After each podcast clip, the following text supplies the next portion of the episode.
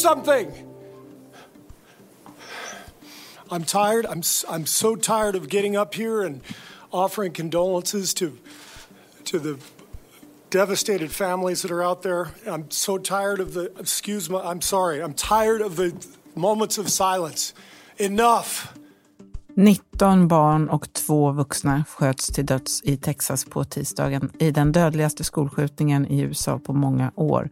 Det är den tredje massakern på mycket kort tid, men en i en lång rad. Många har uttryckt den förtvivlan vi hörde nyss, därav baskettränaren Steve Kerr, vars NBA-lag spelade match i Dallas samma dag, men som vägrade prata sport på den matchens presskonferens. I Studio DN idag om hur det kommer sig att USA accepterar massskjutning efter massskjutning. Med mig, Sanna Thorén Björling, och med Martin Gelin som är korrespondent i New York. Välkommen Martin! Tack så mycket!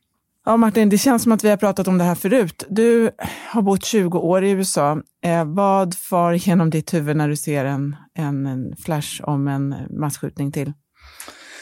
Ja, i, i det här fallet när det, när det är en eh, skola med väldigt unga barn så är det svårt att inte tänka på eh, Sandy Hook i Connecticut som där jag var i, i, i precis, den, den, som var fram tills nu den, den värsta, den mest dödliga eh, massakern på sko, skolbarn i USA. Där jag var samma dag som det hände och, och satt i kyrkan med eh, syskonen till barnen som hade dött samma, samma kväll. Och det, det är ju, jag minns också då hur övertygade folk var om att det här skulle förändra saker. Att det skulle leda till eh, verkliga förändringar i vapenlagarna i USA.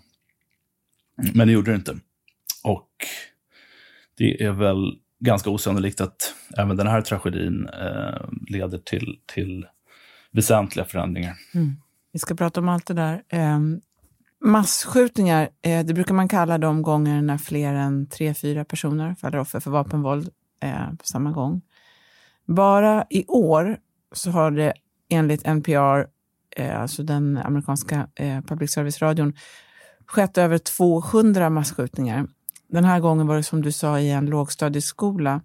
Vad vet vi om, om gärningsmännen här och, och vad som hände?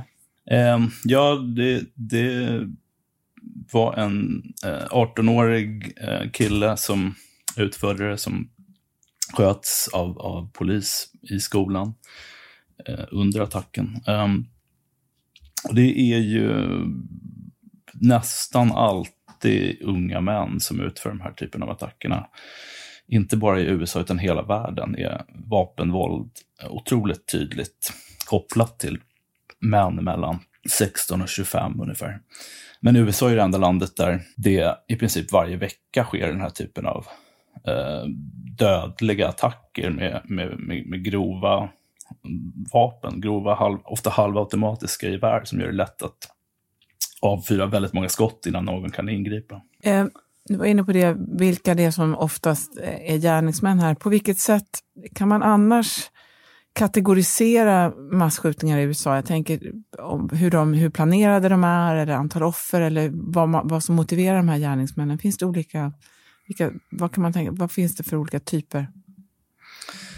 Ja, det, alltså det handlar ju oftast om, om um, lone wolves helt enkelt, alltså ensamma gärningsmän som med, oftast med mentala problem, med psykiska problem. Uh, det, det finns ju ett terroristiskt politiskt våld i USA, ett högerextremt våld som har ökat i USA, men det tar sig ganska sällan uttryck i i massskjutningar. Eh, det som hände i Buffalo eh, för två veckor sedan, där en, en eh, misstänkt vit nationalist, också en 18-årig man, dödade tio svarta personer. Var, det är väldigt vanligt med den typen av rasistiskt våld, men det är relativt ovanligt med, med att just massskjutningar är politiskt motiverade på det sättet. Det är oftast eh, gärningsmän som, som eh, vill skada folk eh, av, av, på grund av psykiska problem.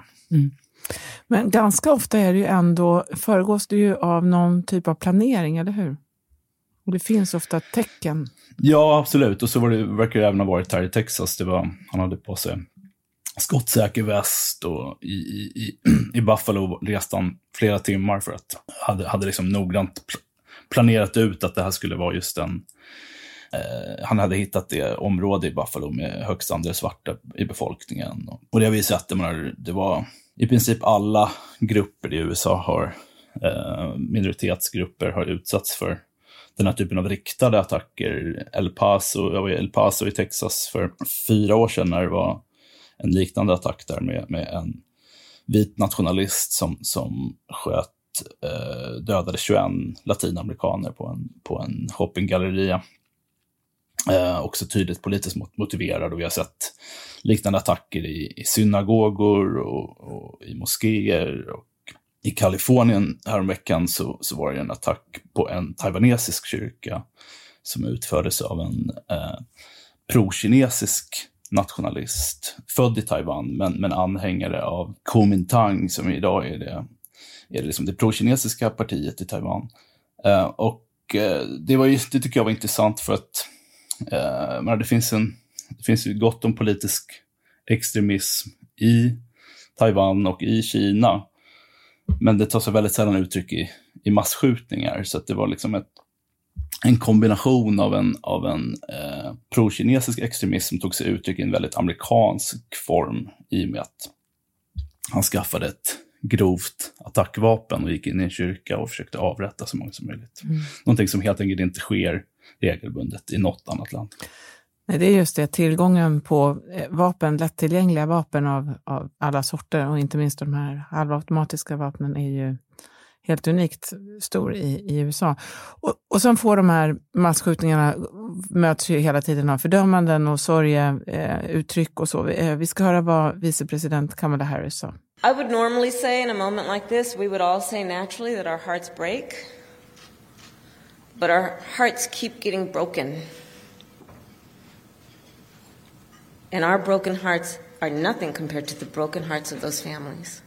Också president Biden har hållit tal, det gjorde Barack Obama många gånger och även Donald Trump fördömde ju vansinnesdåd. Vad händer nu tror du Martin? Det som händer nu är att NRA har konferens i Texas i helgen där Donald Trump, Ted Cruz, Greg Abbott, Texas delstatsguvernör, ska tala om rätten att bära vapen, rätten att eh, ha, eh, kunna köpa relativt obehindrat den här typen av grova vapen. Eh, rätten att eh, bära de här vapnen i kyrkor och shoppinggallerior och offentliga miljöer. Så det... Ja, John Cornyn, den andra senatorn i Texas, har ställt in, sitt, eh, ställt in sin medverkan på NRAs konferens, men eh, nästan alla andra tunga republikaner kommer att vara där. Det brukar ju vara så också att man eh, ofta säger från, från, vapen, från vapenförespråkarnas håll att ja, det här är förstås förfärligt, det här är ingenting vi står för, men eh, så säger man att vi ska inte blanda ihop det här med, med den grundla, konstitutionella rätten att bära vapen. Det är så otroligt tröstlöst. Eh, du, du berättade att du var i Sandy Hook, du var också i Parkland i Florida, där eh, också väldigt unga människor eh, miste livet. Eh, vad kände du då? För, för de flesta i Sverige är ju det här obegripligt att ingenting händer. Va, vad tycker folk i USA om vapenrestriktioner? Det är ganska konsekvent en, en, en majoritet som är för eh, reformer, eh, som vill se strängare restriktioner på vem som får köpa vapen, vilka sorts vapen man ska köpa, hårdare bakgrundskontroller. Och oftast efter de här tragedierna, efter Sandy Hook eh, till exempel så, så arbetade kongressen fram ett ambitiöst eh, lagförslag där de, eh, bland annat med Joe Manchin, Demokraterna och Pat Toomey, en, en, då, en, en av de få moderata republikanerna i, i senaten, eh, som försökte liksom, eh, arbeta fram ett vapenförslag som inte skulle provocera allt för hårda reaktioner från Eh, de, som, de konservativa som är mest måna om att, nästan absolutister när det gäller rätten att bära vapen. Eh, men det, det fick 55 röster i senaten, vilket inte räckte. Så det, det, hade majoriteten i senaten, det hade en stor, klar majoritet i, i representanthuset och det hade otroligt starkt stöd bland folket. De flesta av komponenterna i lagen hade 80-90 procent av amerikanska folket som stod bakom dem. Men, men det stoppades ändå av, av en minoritet av republikaner och eh, ett fåtal konservativa demokrater. Så det, det är förmodligen vad som kommer hända även nu. Eh, ifall kongressen, ifall Biden eh, utvecklar ett nytt, lag, nytt lagförslag för, för att reglera vapen så uh, räcker det med en, en, en liten grupp av, av, republikaner som röstar emot det för att det ska stoppas. Vad skulle du säga, eh, du nämnde här att NRA, det är ju alltså den stora vapen, vapenlobbyorganisationen, den har ju traditionellt varit väldigt stark, men de har ju också drabbats av, av stora skandaler. Hur, hur står sig NRA idag? Ja, precis. Det har stormat rejält där. Eh, en del interna korruptionsdomar och sånt. Bedrägeri och kopplingar till Ryssland och annat som har, som har eh, förstört deras anseende. Um, jag tror personligen att NRAs roll överdrivs lite i, i berättelsen om, om eh, uh, vapenlagen i USA. Jag ser mer NRA som en spegel av ett befintligt väldigt starkt uh, stöd för uh, en, en närmast liksom absolutism i synen på, på rätten att bära grova vapen i konservativa delar av USA ungefär 30, 35 procent av befolkningen som, som stödjer de idéer som NRA idag förknippas med. Um, så att uh, ofta efter sådana här attacker så, så, så, kommer liberaler och progressiva med långa listor på liksom vilka politiker som har tagit emot donationer från NRA. Och, och det anses finnas liksom någon slags korrelation då mellan donationerna och stödet för vapenlagar. Men, men de flesta republikaner som röstar emot reformer av vapenlagar gör inte det för att de tar pengar från NRA, utan för att de själva stöder idéerna och för att deras väljare stöder idéerna. Så jag tror inte nödvändigtvis att det skulle bli lättare att få igenom nya vapenlagar ifall NRA totalt kollapsar. Samtidigt så är det ja, att, att, den här, att deras årliga konferens nu äger rum och, och Trump och, och, Ted Cruz och tunga Greg Abbott som höll, Greg Abbott som höll själva presskonferensen om vad som hände nu i Texas, eh, att de kommer stå där och, och, och, och prata om, om, om, om sin liksom, eh, absoluta stöd för vapeninnehav, eh, har, har ju liksom ett kampanjvärde för de som vill bevara status quo. Tror du att de känner att de riskerar någonting där? Alltså är det en väldigt utomstående, en, den utomstående kan säga att hur kan man göra det? Men, men faktum är ju att de, de ju också har, som du säger, anhängare. Ja, alltså de riskerar ganska lite. Um, det är den amerikanska politiska dynamiken idag har ju en slagsida för landsbygden och för de regioner som de konservativa delstaterna som, som, där det finns en majoritetsstöd för de här vapenlagarna. I storstäderna där en majoritet av USAs befolkning bor så är det väldigt lågt stöd för den här typen av vapenlagar. Men, men i kongressen så, så är landsbygden överrepresenterad. Det, ger, det gör det möjligt för politiker att fortsätta rösta för en politik som bara har stöd av 30 procent av, av landets befolkning. Det är ju samma dynamik vi ser med, med aborträtten till exempel, där, där Högsta domstolen förväntas eh, upphäva eh, Roe versus Wade i, i sommar, trots att det har också stöd av ungefär två av tre amerikaner. Och vi har än så länge inte sett några markanta, eh, eller in, in, eh, det är svårt att se att det kommer få några uppenbara konsekvenser för Republikanernas chanser att, behålla, att, att vinna eh, flera nya, nya säten i kongressvalet mm. i höst. Och den där slagsidan beror ju bland annat på att eh, senatorerna är två per delstat oavsett delstatens befolkning och att det skiljer enormt mycket som vi vet eh, mellan delstatsbefolkningarna. Det kan vara som Kalifornien eh, jämfört med Montana till exempel, eh, ja. har ju lika stor representation i senaten. Ehm, Precis. Man talar ju ofta om konstitutionens andra tillägg, the second amendment, och där rätten att äga vapen avhandlas. Kan du säga någonting om, om, om varför den här frågan om vapen i USA är så laddat och var, var det där stödet för vapen faktiskt kommer ifrån?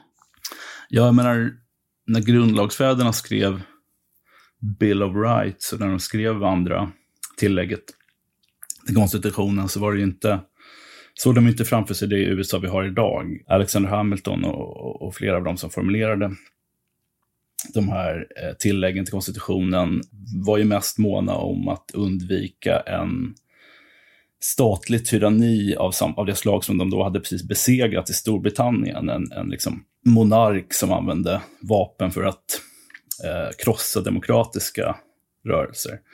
Så formuleringen om att det amerikanska folket ska ha rätt till att, att, att, att ha en beväpnad milis, det handlar ju om att eh, just att stå emot en, en, en statlig tyranni och att ha det istället för en grovt beväpnad armé.